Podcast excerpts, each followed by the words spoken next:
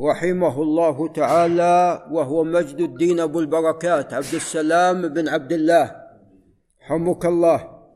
المعروف بن تيمية الحراني في كتابه المنتقى من أحاديث الأحكام. قال باب الصلاة على الفراء والبسط وغيرهما من المفارش وأن هذا لا بأس به. وأنه مشروع للإنسان أن يصلي على البسط سواء كانت من يعني من من جلد أو كانت من فراء أو غير ذلك. فكل هذا مشروع وهذا فيه رد على بعض أهل الضلال الذين لا يصلون على مثل هذه الأشياء. نعم وإنما يصلون على الأرض أو يصلون على الحصر نعم. قال عن ابن عباس رضي الله عنهما أن النبي صلى الله عليه وسلم صلى على بساط رواه أحمد وابن ماجه. وهذا الحديث وإن كان لا يصح لأن فيه زمع بن صالح الجندي وهو لا يحتج به. ولكن النصوص قد دلت على هذا كما سوف يأتي. قال وعن المغيرة بن شعبة رضي الله تعالى عنه قال كان النبي صلى الله عليه وسلم يصلي على الحصير والفروة المدبوغة. اذا هنا عليه الصلاة والسلام كان يصلي على الحصير.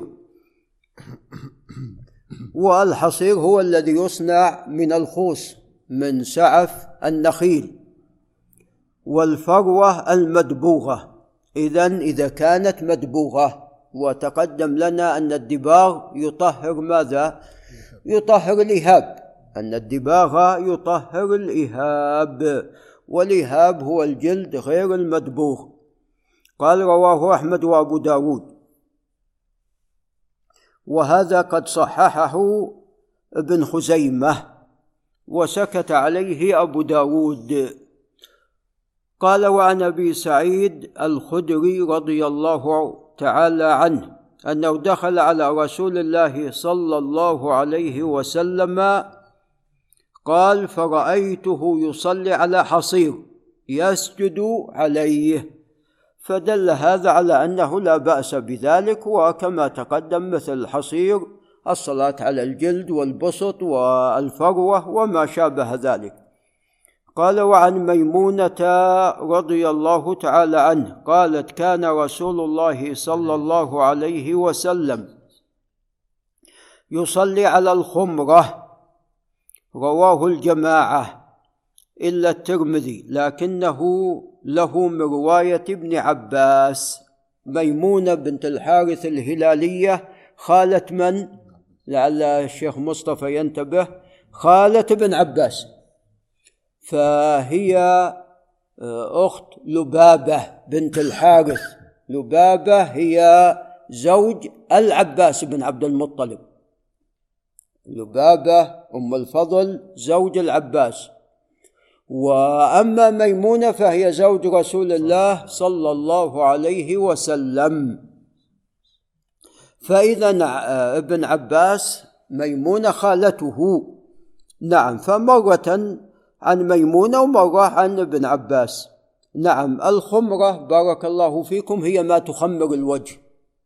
يعني بقدر ما يسجد الإنسان عليه. ليس جميع جسمه وإنما جبهة وأنفه. وإنما جبهة وأنفه. هذه تسمى خمرة. نعم. وهي تصنع من سعف النخيل. نعم. فلا بأس بالصلاة على الخمرة. قال وعن أبي الدرداء رضي الله تعالى عنه قال ما أبالي لو صليت على خمس طنافس رواه البخاري في تاريخه.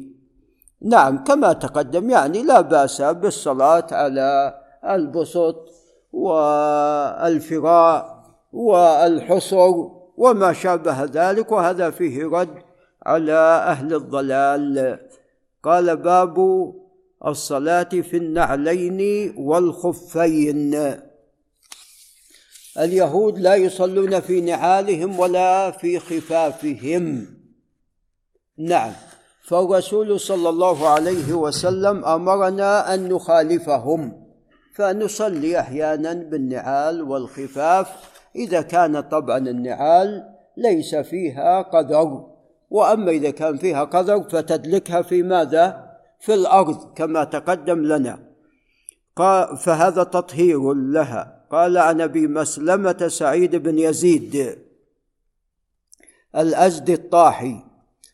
طاحيه من الأزد لعل ابن طارق ينتبه. قال سألت انسا رضي الله عنه أنس بن مالك أكان النبي صلى الله عليه وسلم يصلي في نعليه؟ قال نعم متفق عليه. اذا لا بأس بالصلاة في النعلين.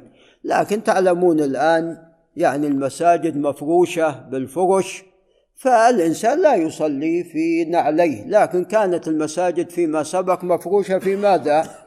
مفروشة بالحصى. طبعا الشيخ بندر لاحق على هذا. مفروشة بالحصى كانت المساجد.